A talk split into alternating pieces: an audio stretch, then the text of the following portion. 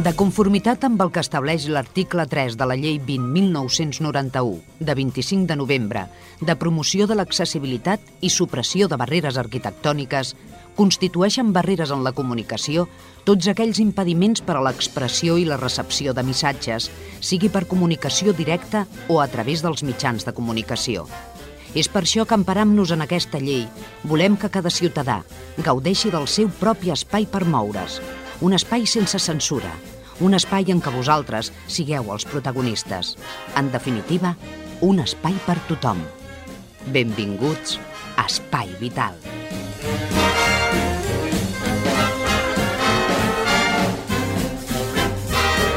Senyores, senyors, bon dia, què tal, com estan? Benvinguts, ben trobats un dia més i, com jo sempre dic, a un programa més. És l'Espai Vital i, com a mínim, pretenc que vostès ja el coneguin. Un espai vital que està de bona hora bona per notícies bones. Mira, podia fer un rodolí eh, que han sortit i que eh, les notícies i que vostès estic segur que ja, ja l'han vist. Doncs vinga, estem d'enhorabona perquè diuen que logran clonar embriones humanos para obtener células madre viables. Això pot anar bé tu, Alberto, bon dia. Molt bon dia. Benvingut a l'Espai Vital. Ben trobat. Això està bé, no? Està perfecte. Hombre, tú que haces tanto cacharritos y cositas dentro de. Gacheto, Gacheto Albertos, almenys això, això està bé que ho hagin inventat. Jo penso que és una molt bona notícia. És una bona solució per a aquelles persones que ara mateix no tinguin una cura per la seva malaltia o per la seva discapacitat. Bé, una bona notícia que nosaltres acollim i ens acollim perquè el programa, com ja comença, amb 3, 2 o 1,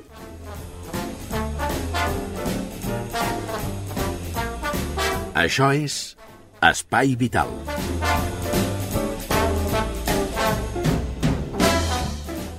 Ara a l'Espai Vital volem parlar de mm, Vall d'Hebron, un hospital de referència en cremats, per exemple. I per parlar d'aquest hospital i parlar precisament de la planta dedicada a cremats, tenim aquí els nostres estudis a la senyora Alba Armengol. Ella és eh, infermera d'aquesta unitat de cremats. Volem conèixer una mica més aquesta unitat. Alba Armengol, bon dia. Bon dia.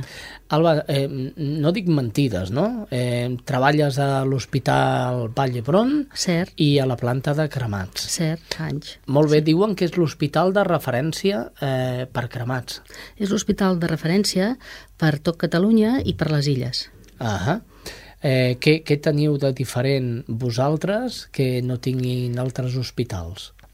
Uh, bé, a un cremat se'l poden atendre a altres hospitals. Uh, el que sí té uh, la, la unitat de cremats de Vall d'Hebron és que té, es, es, està especialitzada també en UCI de cremats, en pediatria, i està especialitzada sobretot en grans cremats. Eh, quina és la teva tasca, Alba? Mm, La meva tasca és d'enfermera, atenció integral al pacient cremat. Què vol dir això? eh, atenció integral és des de que entra i, i durant tota la seva estada doncs, eh, en la nostra unitat eh, requereix una sèrie de cuidados, eh, una sèrie de cures i, i, i aquesta és la meva tasca, no? Atendre'l i, i, i- ajudar a que, a que es reintegri una altra vegada a la seva nova vida que en molts casos és diferent de la, de, pot tindre unes, unes manques d'una sèrie de, de, a, causa de l'accident que ha tingut pot tenir unes manques ja siguin de mobilitat, ja siguin d'estètica, doncs la nostra, tot aquest procés el viu amb nosaltres i nosaltres hem de fer les cures tant físiques com ajudar-la a reintegrar-se una altra vegada en la seva nova vida. Anem pas a pas, Alba. Eh, suposo que aquesta unitat arriben als pacients directament d'urgències, perquè normalment és urgències qui deriva aquesta planta, no? No, nosaltres tenim urgències. Ah. És l'única, eh, l'únic servei que el pacient ve directament a nosaltres, no passa per nos, unes urgències. Les urgències ja som nosaltres. Fem, nosaltres fem la urgència allà mateix en, en el, la nostra unitat. Sí, però dic jo, la vostra unitat no estarà a les 24 hores del dia, Està o sí? les 24 hores oberta del dia, té urgències, sí. Serà possible que jo he anat molt a l'hospital i no me n'havia assabentat mai, Alba, d'això? Sí, perquè unes urgències d'una general et poden vindre cardíacs, poden vindre embolismes, em- traumes, diferents eh, eh, casos traumàtics, no? I de dolors, i, però aquesta unitat només ve el pacient cremat, només eh, exclusivament el pacient cremat. I bé, no hi ha una incidència tan alta com, altra, com ur- urgències d'una general. Molt bé, eh, imaginem que jo em cremo i que vaig d'urgències a la unitat de Vallebrom de cremats. A mi com se m'atén? Imagina't que jo m'he cremat eh, un braç, per exemple. Quin seria el, el seguiment que es fa? Doncs entraries per urgències de trauma i diries m'he cremat i automàticament un eh, t'obriria una fitxa i un salador et, et portaria a la nostra unitat. Automàticament passes per davant de tots els altres perquè la nostra unitat és eh, eh, exclusiva només per, per cremats. Vens directament, trucaria el salador al timbre d'urgències i automàticament nosaltres acudim a urgències, obrim la porta, et faríem passar, et, et diríem que t'assentessis, que t'estiressis a, a la llitera que tenim i et preguntaríem, el primer de tot, mm, què, com t'has cremat i què és el que t'has cremat i de quina manera, no? Automàticament, doncs, tu ens explicaries, doncs, no sé, t'has cremat amb aigua calenta o No amb oli. amb oli, amb oli. oli, sí. Doncs, eh, eh, si, si vens directament de casa, eh, doncs vindràs, suposo jo, suposo jo que vindries embolicat, suposo, amb alguna tovallola freda o alguna cosa t'hauries fet, no?, per calmar-te el dolor.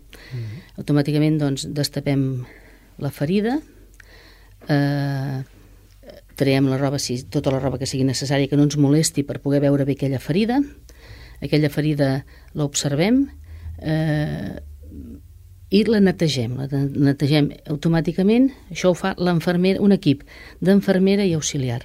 Neteges la ferida i quan està ben neta, amb aigua i sabó, i has tret mm, doncs, pells desvitalitzades, no? que s'han fet bullofes, aquelles bullofes emmascaren el que hi ha sota, Ah. per saber el grau que és de la cremada, quan ja tens neta la ferida, avisa automàticament, li poses unes gasses humides amb suero fisiològic perquè calmi la ferida i avises al metge que automàticament ve, valora la cremada i ell diu el tractament a seguir.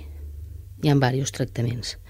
Uh -huh. Segons el tipus de cremada, segons el tipus, si una cremada amb una cama, una cremada amb un braç tu pots caminar, pots portes el braç així amb cabestrillo, que es diu, no? Sí.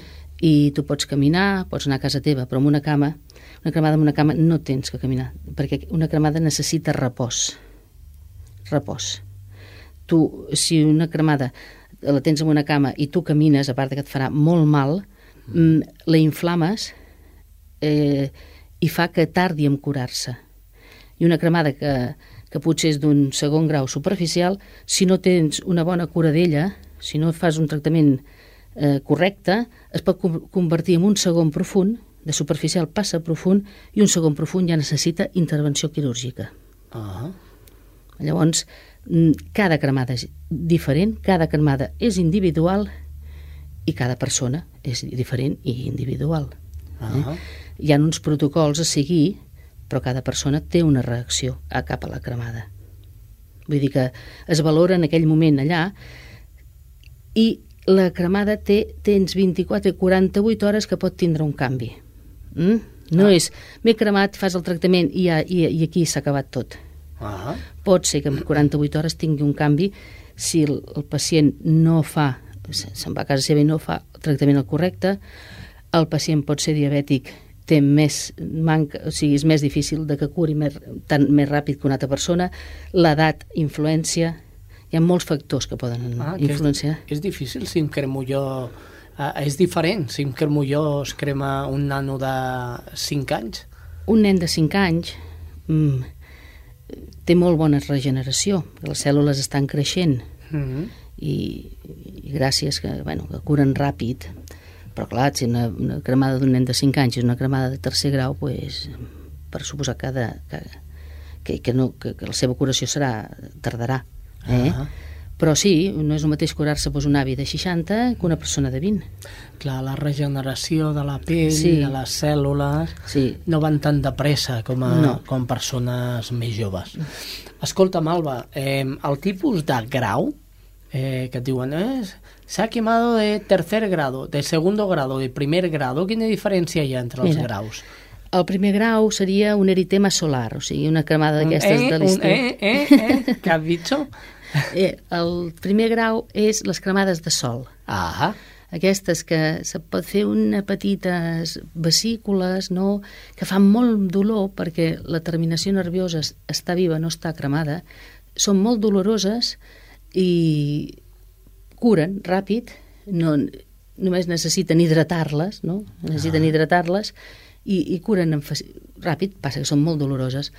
La de segon grau, hi ha, hi ha primer grau, segon superficial, segon profund i tercer.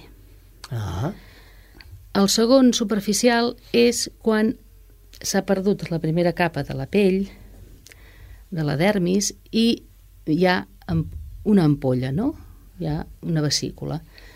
Eh, però és rosada la pell. ah, Això té fàcil curació amb aplicacions de pomades, amb el tractament que sigui adequat, no? El segon grau hi ha prim, segon superficial i segon profund. El segon grau profund generalment, segons l'extensió, no curen soles. Treus, és, eh, s'ha s'ha cremat, és més profund de la cremada i és ja de color blanquinós ah, és de color blanquinós. No acostuma a fer mal, sí que fa mal al, al voltant, perquè hi ha terminacions nervioses mm, que s'han mort, no? I aquesta cremada pot curar, és molt difícil que curi per si sola, necessita igual d'intervenció quirúrgica, de fer un ingert. I per descomptat que la cremada de tercer grau, aquesta necessita intervenció quirúrgica. S'ha de desbridar, desbridar vol dir s'ha de treure a quiròfan la part cremada i aplicar pell del pacient, pell sana, sobre d'aquesta cre- cremada. Això se'n diu un ingert. Normalment aquesta pell, eh, eh, com és del propi pacient, no? potser és la que més... És que només es pot fer un ingert del propi pacient. Ah, llavors ja no hi ha discussió aquí. No. Val, doncs eh, la traieu del cul, Sí. la traieu de l'esquena, d'on traieu la pell? De, en un cas de d'una petita cremada s'acostuma a treure, pues sí, de, panxa perquè no es vegi després quan vas a la platja Ah, o sí, zones que d'abdomen, no? zones que, que es puguin després dissimular, no? I perquè encara que en casi d'on treus la, la pell es pot dir que no es nota, no es nota amb el temps, cap d'un any o cap de dos, però bueno, és una, una zona que ha d'estar protegida durant un temps del sol també. ah, No? Perquè és com, perquè ho entenguis, si tu treus pell, és com si fessis una cremada clar. eh? però és una cremada mm, feta a, a quiròfan i neta. És una cremada neta, no és una cremada produïda per ni un àcid, ni foc, ni no, és una, co- una intervenció neta. I eh, la zona donant de la persona acostuma a curar en 8 dies i la zona injertada, si tot va bé, acostuma a curar abans de 8 dies. Ah, Mm. Doncs mira, no està malament aquelles persones que els sobri una mica de cul, Sí, no? eh, que es vagin eh, injectant-se pell pe- pel cos i així la van repartint. Passa que eh, només agafem la pell, no s'agafa la grassa, si no ja aniria molt bé, no? Sí, no?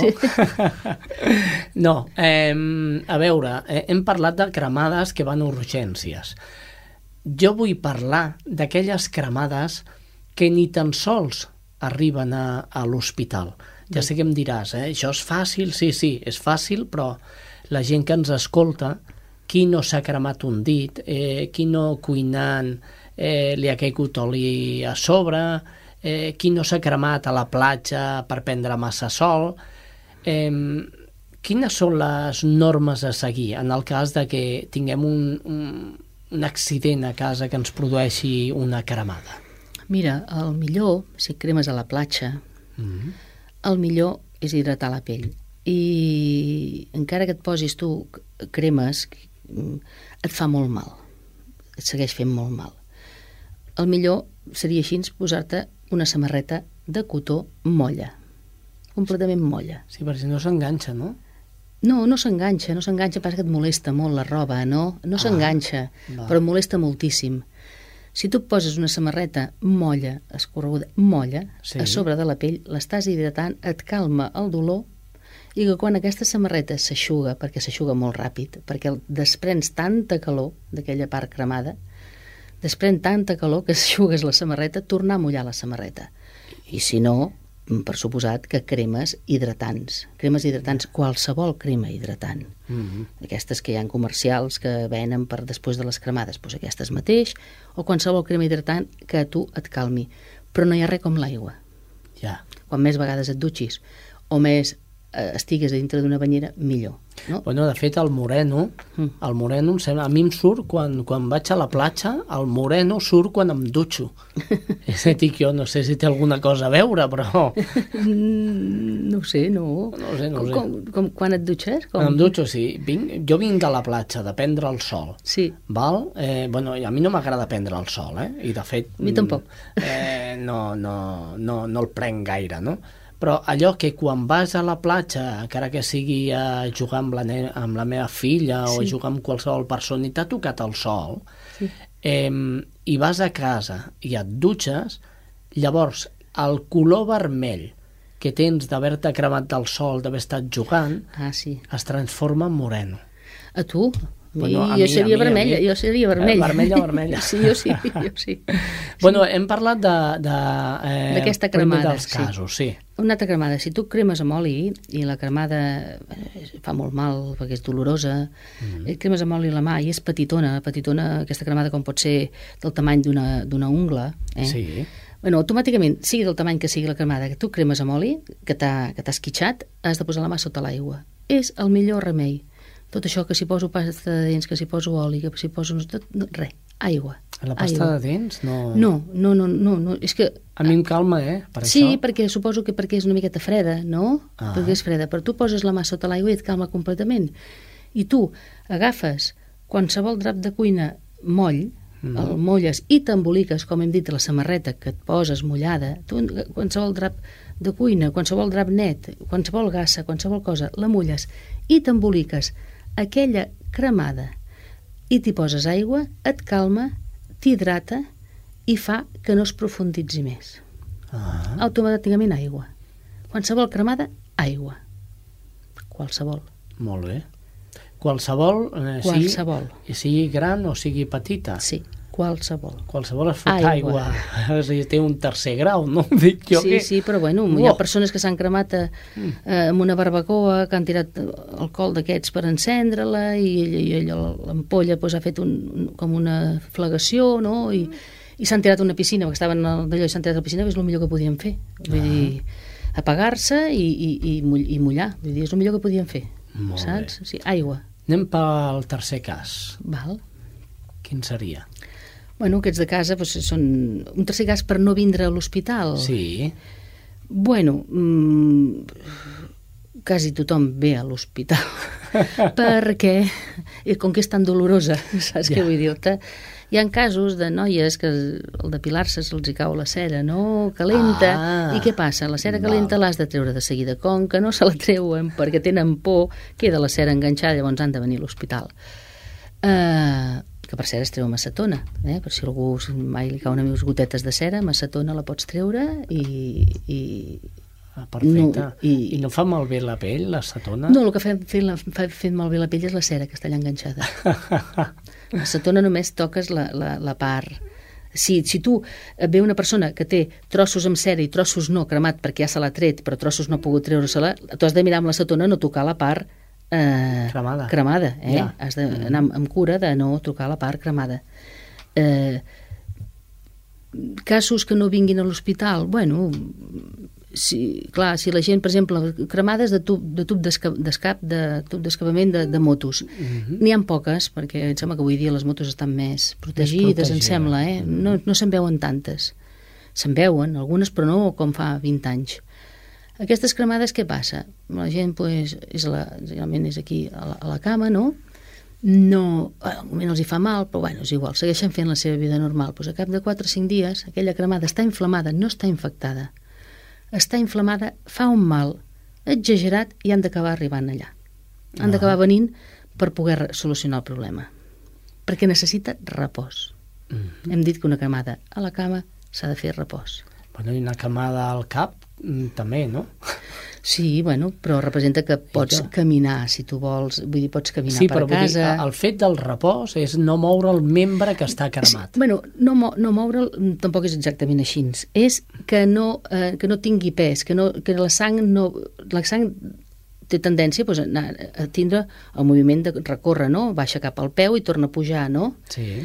Si hi ha una ferida allà, eh, aquella ferida allà se, se, si baixa la sang s'acumula i et fa, eh, fa que això li costi més de pujar a l'haver-hi la ferida, no? el retorn sigui difícil i per això mm, al ser el retorn difícil no té una bona circulació allà dintre i costa més de curar la ferida.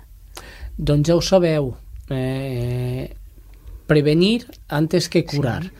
No? Això està, està claríssim. Això és el millor, sí. Que no us voleu cremar, no jugueu amb foc ja ho diuen, si no vols palla no vagis a l'era. Eh? Bé, el que jo aconsellaria, que en tenim diferents opinions, ho discutim allà en el treball de vegades, no? Eh, I tenim diferents opinions. Jo sempre dic que els nens no han d'entrar a la cuina. Llavors segur que no es cremen. I companyes diuen, si no entren a la cuina, desconeixen el perill. Mhm. Mm -hmm. pues, el que sí està clar és que quan hi ha manipulacions, sobretot de caldos, no? de brou, no? de tés, coses així líquides molt calentes, si anar molt de cura amb els nens petits, que sempre que si corren per la cuina doncs pot, els hi pot eh, caure a sobre, no? Una, una manipulació. Generalment els accidents, hi ha moltíssims accidents domèstics, eh? moltíssims, i no ens ho pensem. Si resulta que preveniu i al final us cremeu i no aneu a l'hospital per aquests casos que us hem dit que tampoc feia falta, perquè no, no eren tampoc tan greus, i no sabeu com tractar-ho, és molt fàcil acostar-se a un bar d'aquí Cerdanyola, que es diu Clàssic, i allà trobareu a l'Alba, i l'Alba ja us donarà aquest consell que ja està bé, us dirà, va, beveu, hidrateu-se, que així ja ho tindreu molt més clar. L'Alba regenta un dels locals d'aquí de Cerdanyola, es diu Clàssic, oi? Sí, clàssic cafè, sí. Ajudo, jo ajudo una mica. doncs molt bé, Alba. Eh... Però eh, també es poden anar, per suposat, a les àrees bàsiques, als ambulatoris, que tots estan preparats per aquests casos d'aquestes cremades. Eh? Està claríssim, i si no, aneu a veure l'Alba, que ja us ho dic jo, que us tractarà molt bé, que a mi ja m'ha tractat molt bé. Alba, moltíssimes gràcies per haver estat avui a l'Espai Vital i t'animem a seguir tan contenta com, com sempre et veiem, amb aquestes ganes. Moltes gràcies, Xavi, i un petó a tots, i cuideu-se i no us crepeu.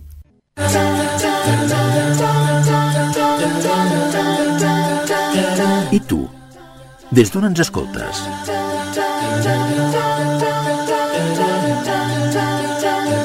Espai vital sense fronteres. Just a small town Ara a l'Espai Vital eh, ens toca parlar de psicologia i de problemes eh, en el món de la psicologia i com sempre ens acompanya als nostres estudis el psicòleg Jaume Guinot. Bon dia. Hola, bon dia.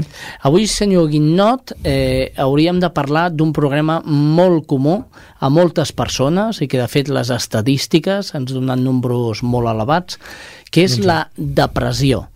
Senyor Guinot, què és la depressió?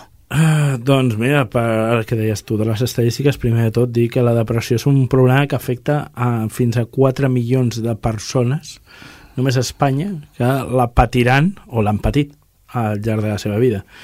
Eh, a Europa és, una, és més alt l'índex, mm, per exemple, és el, que les malalties del cor.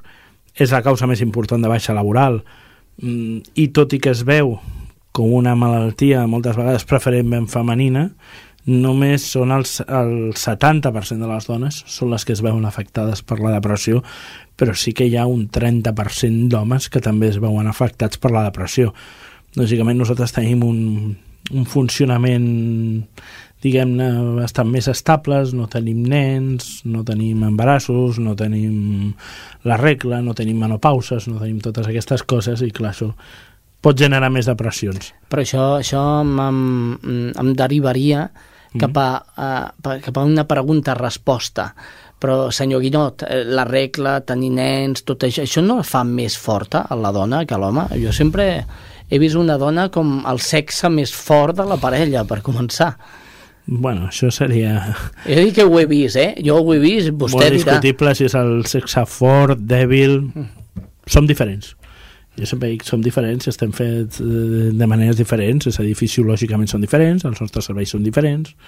Eh, clar, jo tenia un professor a la universitat que recordo una companya es va enfadar perquè li va dir oh, és que el servei de l'home pesa d'una mitjana d'un quilo 400 i el de la dona pesa una mitjana d'un quilo 200 i l'altre es va emprenyar com una mona dient que jo era masclisme, l'altre va dir no, a veure, t'ho explicaré d'una altra manera, el servei de l'home és un PC de sobretaula i el de la dona és un portàtil et serveix així, vull dir fan la mateixa funció, són diferents Ma maneres diferents d'entendre som diferents i estem coses, programats no? per fer coses diferents és a dir, eh, quan es diu no, és que un home no podria suportar un part bueno, és que un home no està fet per suportar un part Ja. vale? i segurament tampoc aguantaríem totes les alteracions hormonals que té una dona segur acabaríem fets, eh, fets pols Sortim de, de, dels problemes de ser dona o ser home i ens quedem amb la depressió. sí.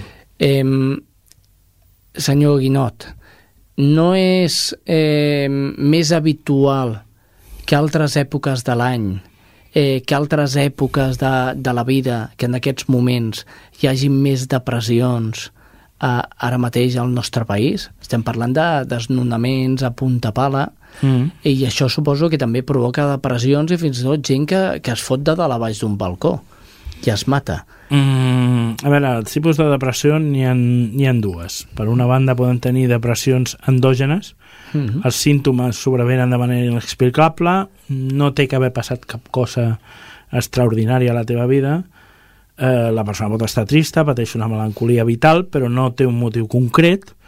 Els més comuns que els símptomes apareguin després d'una determinada situació, en aquest cas pot ser que hi hagi hagut estrès professional, marxa dels fills a la llar, por, això davant d'una situació incerta, malaltia o mort d'éssers estimats, problemes amb els pares, però estem parlant a posteriori. I altra pot ser, justament el que parlaven, una depressió esdevinguda a partir de tot això un seguit de problemes personals gravíssims que aquesta persona, diguem-ne, que arriba un moment que fa un crac ja no és capaç de, de suportar més mm, explota i a partir d'aquí apareix aquest sentiment de depressió, que no sempre és una depressió real, és a dir, quan parlem de depressió parlem de que aquesta persona té que tenir uns mínims de criteris, és a dir, té que estar complint uns requisits. No sé jo, ah, és que estic deprimit, això ho diem molt. Vale? Algú que està deprimit doncs, normalment doncs, presentarà una irritabilitat, mandra, desmotivació, inquietud, eh, sentiments de culpa, autocompassió, desinterès per l'aspecte personal, moltes vegades eh, pensaments de mort, que no vol dir que un es vulgui tirar pel pont, mm -hmm. sinó que pensa molt en la mort o se'n recorda molts de, de quan va morir la meva mare, quan va morir el meu pare, i tot, tot són sentiments negatius. Val? Serien els dos tipus. Ara, evidentment, eh, per la situació que vivim, la gent diu, bueno, és que ara hi ha més gent amb depressió. No, el que hi ha més gent és amb estrès. Uh -huh. Vull dir, en situacions límits com l'actual, la gent no està per deprimir-se. No es deprimeix. No tinc temps de deprimir-me. Estic massa ocupat en sobreviure per tenir temps de deprimir-me. Quan apareixerà la, la depressió? Doncs molt possiblement quan tota aquesta pressió externa desapareix i és en aquell moment on apareix la, la depressió. Per això que és comú que els problemes de depressió apareguin justament temps després fins i tot d'haver-hi hagut els problemes, haver-te fet fora de la feina, haver tingut una malaltia, haver tingut el que sigui. O sigui, al moment en què això afluixa és quan apareix. Mentre això està en la màxima intensitat, la persona té una forta ansietat, un fort estrès, però no apareix la depressió. Eh, quan et relaxes, apareix la depressió. Exacte. Eh, senyors, què hem de fer llavors, Jaume? En un cas d'una depressió, jo sempre recomano en el primer cas intentar fer servir um, naturopatia, mm -hmm. si és possible, homeopatia, qualsevol cosa natural. Quan ja la cosa està anant a majors, jo aquí sí que li dic a la gent aquí és el moment de prendre's un, un antidepressiu. Per això es fabriquen i per això es fan. O sigui, un antidepressiu et servirà per aturar eh, el trastorn químic que és la depressió. És a dir, quan tu tens un fenomen depressiu, no és simplement, ah, és que estic trist. No, no, estàs entrant en un trastorn químic, el teu cos està... Eh, hi ha una cosa que s'està destalutant, per entendre'ns, explicar així molt de pressa. Prens un antidepressiu i aquest atura el que tu et puguis deprimir. I a partir d'aquí és el moment d'anar al psicòleg i dir, vale, molt bé, ja estic prenent antidepressius, ja no puc deprimir, estic prenent ansiolítics, ja no estic en un estat d'ansietat eh, que no puc fer absolutament res, estic paralitzat, i ara vaig a posar ordre a la meva vida i vaig a solucionar, a veure com surto de tot allò que m'està passant. Ah. Deies el primer dia de eh, si jo estic en una situació en la que no tinc feina, ni diners, ni puc sortir-ne, bueno, això mm, no vol dir que no ho puguem plantejar d'una altra manera. Eh, evidentment això no podem canviar. Si no tinc diners, no tinc diners. Però mm, el que jo sí puc fer és decidir com m'enfronto en aquesta situació. Hi ha alguna pregunta, senyor Guinot, que ens haguem de fer les persones que estem depressius per saber si hem entrat en depressió o no? No sé, sé, sé que és molt difícil això que li estic demanant, no? Però jo em trobo molt trist, estic molt fet caldo i em foten la casa, em foten la dona, em fot el nen, etc etc etc i diem, bueno, és que he caigut en una depressió, no? Llavors, e, és per saber si realment tenim una depressió o no, ens podem fer un autoexamen i preguntar-nos alguna cosa? Seria, seria complicat, però hi ha una cosa que dic que sí que apareix gairebé sempre, és eh, el recurrent pensament de mort. Pensar molt en, les, en la mort i en els morts, i perquè si, si jo ara em morís, algú molt, molt típic haureu vist fer molts savis, no? I de jo, jo em vull morir perquè total, per, pel que faig aquí, doncs millor em moro. Vale? I està entrant molt en un cicle de depressió aquí és on la persona podria notar-ho. Una altra cosa és que, evidentment, si m'ha deixat la, la dona, eh, se m'ha mort la mare, m'han cremat el cotxe, m'han fotut fora de la feina, dius, estic trist. I, home, eh? Yeah. és que si no ho estigués vostè, li diria que vostè és un psicòpata, no? O sigui, no li afecta res de tot això? Ostres, seria raríssim, no? És a dir, hi ha una causa justificada perquè vostè estigui fet una coca. Sí. És, és normal. Normalment amb una depressió no té per què haver-hi, el que us deia, no té per què haver-hi una, una causa justificada en aquell moment. Pot haver passat molt de temps des que tot allò em va passar i, i, i jo això sense ser incapaç de remuntar, diu, bueno, aquí és on tinc el problema. Per què? Perquè estic convertint ja en una rutina de pensament i és aquí on hem de... Bueno, veiem què passa, vale? com, com podem sortir. Doncs em sembla que, que ho hem dit força clar, si més no vostè ho ha dit força clar. Eh, eh, estar trist no vol dir depressió immediata, si pot de tristor pot acabar amb una depressió, la depressió es pot curar, no senyor Guinot? La depressió es pot curar sempre. A no ser que estiguem parlant ja de persones amb, amb depressions de molt de temps i que ja acaben convertint-se en cròniques, però estem ja parlant de, de gent que porta més de dos anys amb una forta depressió i aquesta persona gairebé que es converteix en un malalt crònic, és a dir, costa moltíssim treure d'aquí. Per exemple, quan algú ve a la consulta i diu, escolta, això es pot arreglar? Diu, escolta, miri, menys la mort, ho podem arreglar tot. Vale? Si està al cap, es pot arreglar. Uh -huh. vale? Ho podrem portar d'una manera, d'una altra, millor, pitjor, regular, vale? però si podem adoptar. Sempre podem fer alguna cosa per fer que no sigui tan dolent, encara que no ho puguem curar. Ah, doncs, senyors, radioespaivital arroba telefònica.net a través d'aquest correu, si volen qualsevol consulta, eh, que contestarà en Jaume Guinot, el nostre psicòleg de l'Espai Vital, Eh, li agraïm moltíssim, senyor Guinot, la seva presència avui a l'Espai Vital i que ens hagi obert una miqueta més els ulls al món de la depressió o de la tristor que d'alguna manera podien anar, podien anar tots lligats, però bueno, jo aquí no m'hi fico, que això ja és més professional. No, una, una, una cosa seria jo la tristesa lògica i pròpia i una altra seria eh, ja quan parlem d'una patologia. I, I aquí ens donaria per un altre dia Jo només de parlar del tema de les etiquetes i de com ens empenyem en qualsevol cosa donar-li un nom i una etiqueta, no? Dir, estic deprimit, no, estic trist Mm, i no passa res més. Bueno, i això com es diagnostica? Tristor? Està vostè trist? No? Jo sempre poso l'exemple quan ve algú diu eh, escolti, això que em passa, com, com, eh, qui- quina etiqueta té? Jo dic, escolti, vostè es diu López, no? Sí, doncs tiene usted el síndrome de López. Ja està, té vostè el seu, la seva història. No li vulgui posar etiquetes. Senyor Guinot, gràcies per avui, per la, per la seva consulta de l'Espai Vital i l'emplacem la setmana vinent. Gràcies i bon dia. Aquí estarem. Estàs escoltant Espai Vital.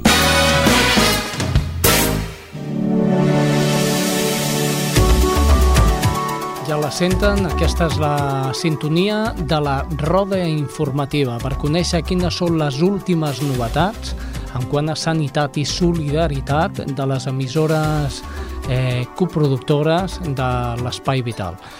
I comencem, eh, com sempre, per Cerdanyola. Des de Cerdanyola Ràdio ens informa Mònica González. Salutacions Espai Vital des de Cerdanyola Ràdio. La cinquena nit solidària del Rotary Club de Cerdanyola ha aconseguit recaptar prop de 4.000 euros, els quals aniran destinats a la compra d'una furgoneta de 9 places per a la residència Montserrat de Cerdanyola. Un centre juvenil d'acció social educativa sense ànim de lucre per a nenes de 6 a 18 anys que no tenen família o tenen greus dificultats per romandre-hi. El sopar solidari realitzat ahir a l'Hotel Campus de la Universitat Autònoma va plegar 160 assistents, tots ells procedents de bona part de la societat civil de Cerdanyola, representada per diverses associacions i entitats locals.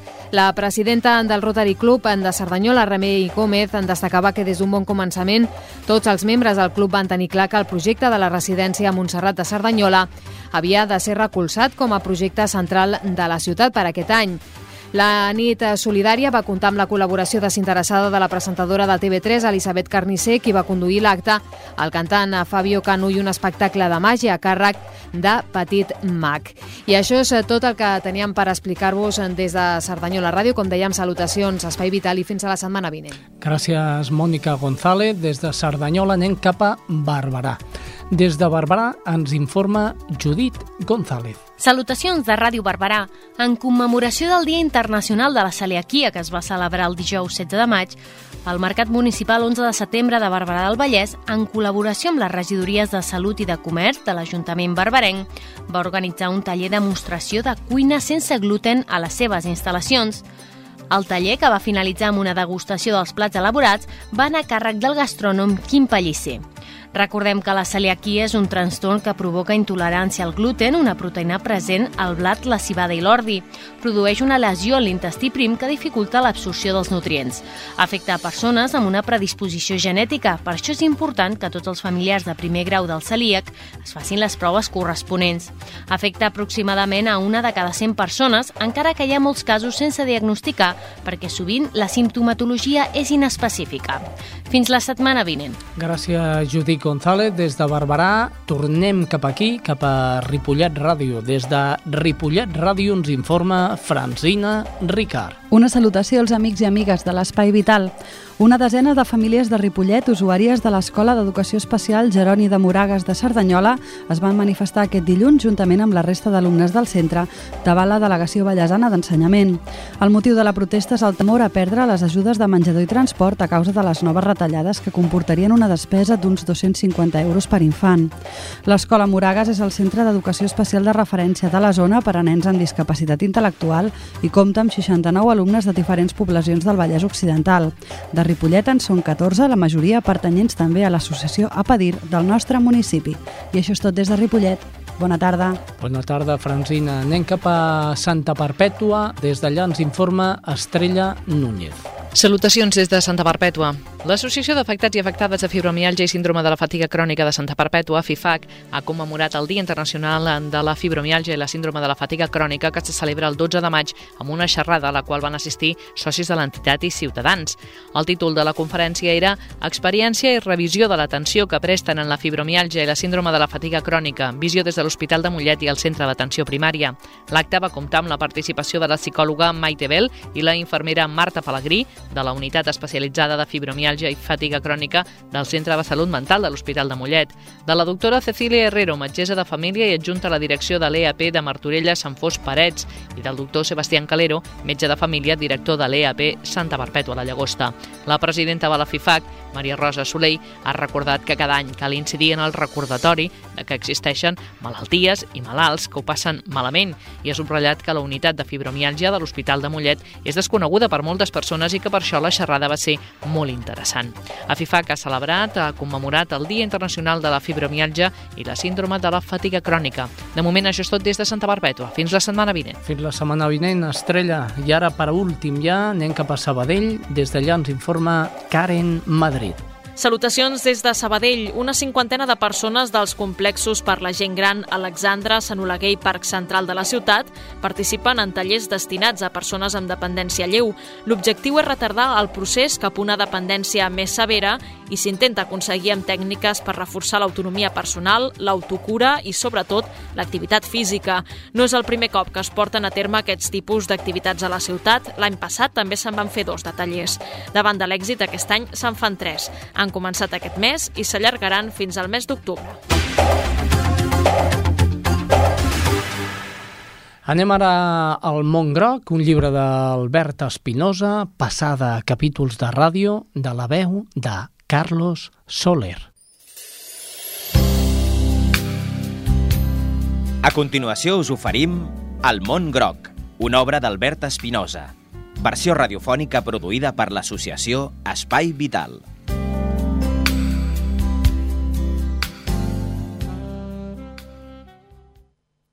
Dinové descobriment. Et vols prendre un rem amb mi? Les nits són el moment més groc del dia. M'encanten les nits. Permeten que gairebé tot es faci realitat. Les nits a l'hospital eren estupendes.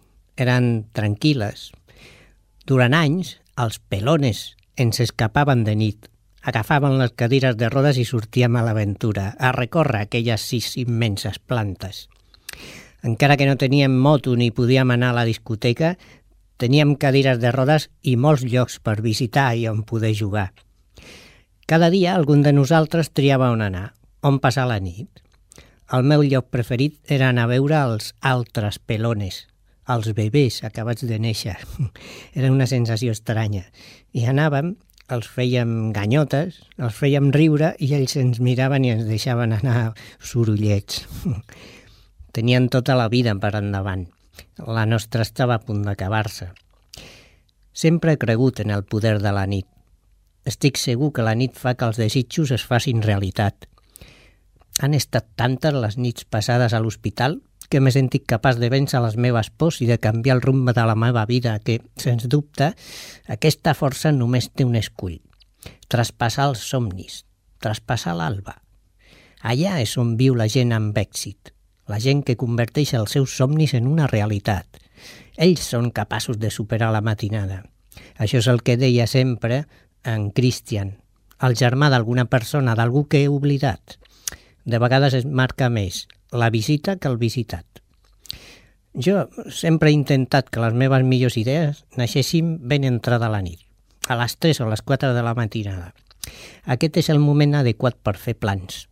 És com si quan estàs a punt de dormir-te tot el teu jo estigui d'acord amb el que penses i t'animi i et doni forces. El son ens fa més dolços.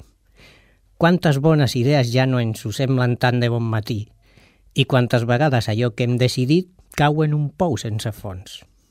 Crec que el son ens fa ser menys bèsties i més humans, però encara dubto que això sigui bo, no? Durant la meva estada a l'hospital, en aquelles hores de vigília abans del son, vaig prendre grans decisions. M'encantava despertar-me aquella hora. Tot l'hospital dormia, fins i tot les infermeres. I semblava que tot el recinte era meu. Planejava la meva vida, creava somnis i aspirava a tot. Quan vaig sortir de l'hospital, ho vaig tornar a fer. Confio molt en les matinades. A més, com que sé que algun dia es descobrirà un medicament per no dormir, estic convençut que aleshores aquella serà l'hora d'un nou àpat. El REM. El REM encara tindrà més importància que el dinar i el sopar. El compartiràs amb gent especial, amb gent que com tu creu en aquesta hora. Quan arribi aquest moment, espero estar preparat.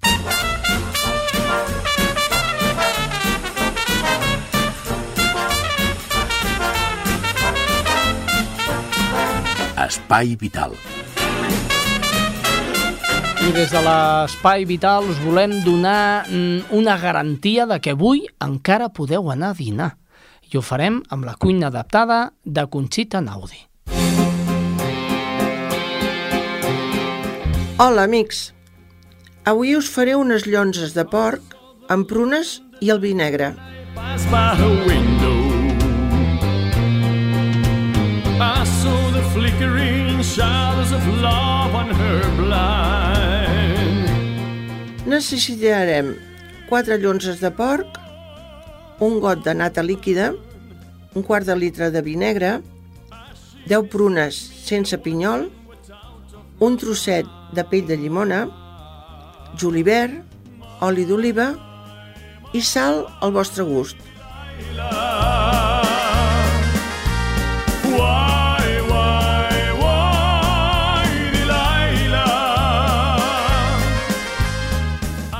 Per la preparació, primer de tot posarem les prunes a macerar amb el vi. Això un parell d'hores. Agafarem les llonces i les fregirem. No massa perquè no quedin ni dures ni seques. Aleshores hi tirarem el julivert, que estigui ja picadet, li donem unes voltes i retirem. A la mateixa paella posarem les prunes i afegirem el vi, la pell de llimona, la nata i una miqueta de sal. Com he dit abans, al vostre gust. Tot això deixarem que es cogui a poc a poc, remenant i quan veieu que ha reduït, però que quedi salsa, ho posarem per sobre les llonzes que ja estaran emplatades. Es poden posar les prunes al costat i així queda més decoratiu. Ja veieu, és una, una recepta molt senzilla de llonzes de porc, però amb una petita variació amb la salseta. Desitjo que us hagi agradat. Bon profit. La veritat, un plat realment exquisit. Alberto, I tant. Què, què em portes avui? Doncs, home, jo el que et porto avui no és tan exquisit, Mm -hmm. però penso que també és molt, és molt interessant. Segur que sí. Es tracta, d'alguna manera, de mm, uns nanorobots. El nanorobots és una partícula sintetitzada, d'acord?, que s'injecta a través del cos. Doncs bé, a la Universitat de Carolina del Nord han fet experiments amb ratolins injectant nanorobots per combatre la diabetis. Mm. És a dir, aquests nanorobots són intel·ligents, entre cometes, i detecten quan el cos té necessitat de sucre i lliberen automàticament el sucre. De manera que han aconseguit que aquestes bestioles estiguin sense necessitat d'insulina més de 10 dies. Això, que encara és experimental, obre un camí molt important al, al tractament de la diabetis i evitarà a curt termini que les persones amb aquesta malaltia hagin d'injectar-se diàriament eh, aquesta insulina. Tractar la malaltia des de dins del cos mitjançant nanorobots. Nanorobots. Esto me evoca una película de Sí. hace tiempo, Sí, sí, que era. Viaje al interior Viaje de, alucinante. de, Sí. del cuerpo humano. Sí, sí. Molt bé, Albert, doncs eh, marxem. Doncs vinga. Marxem, senyors, eh, la setmana vinent i tornem, recordin, per això, que tornarem a estar la, a la mateixa hora, al mateix dia i sobretot per les sis emissores de ràdio per les que s'emet a l'Espai Vital. Senyors, fins la setmana vinent. Us deixo música que el nostre tècnic, el Toni Miralles, ens escollirà. Apa, adeu. What would you do if I sang out of tune? Would you stand up and walk out on me? Me and I'll sing you a song. I will try not to sing out of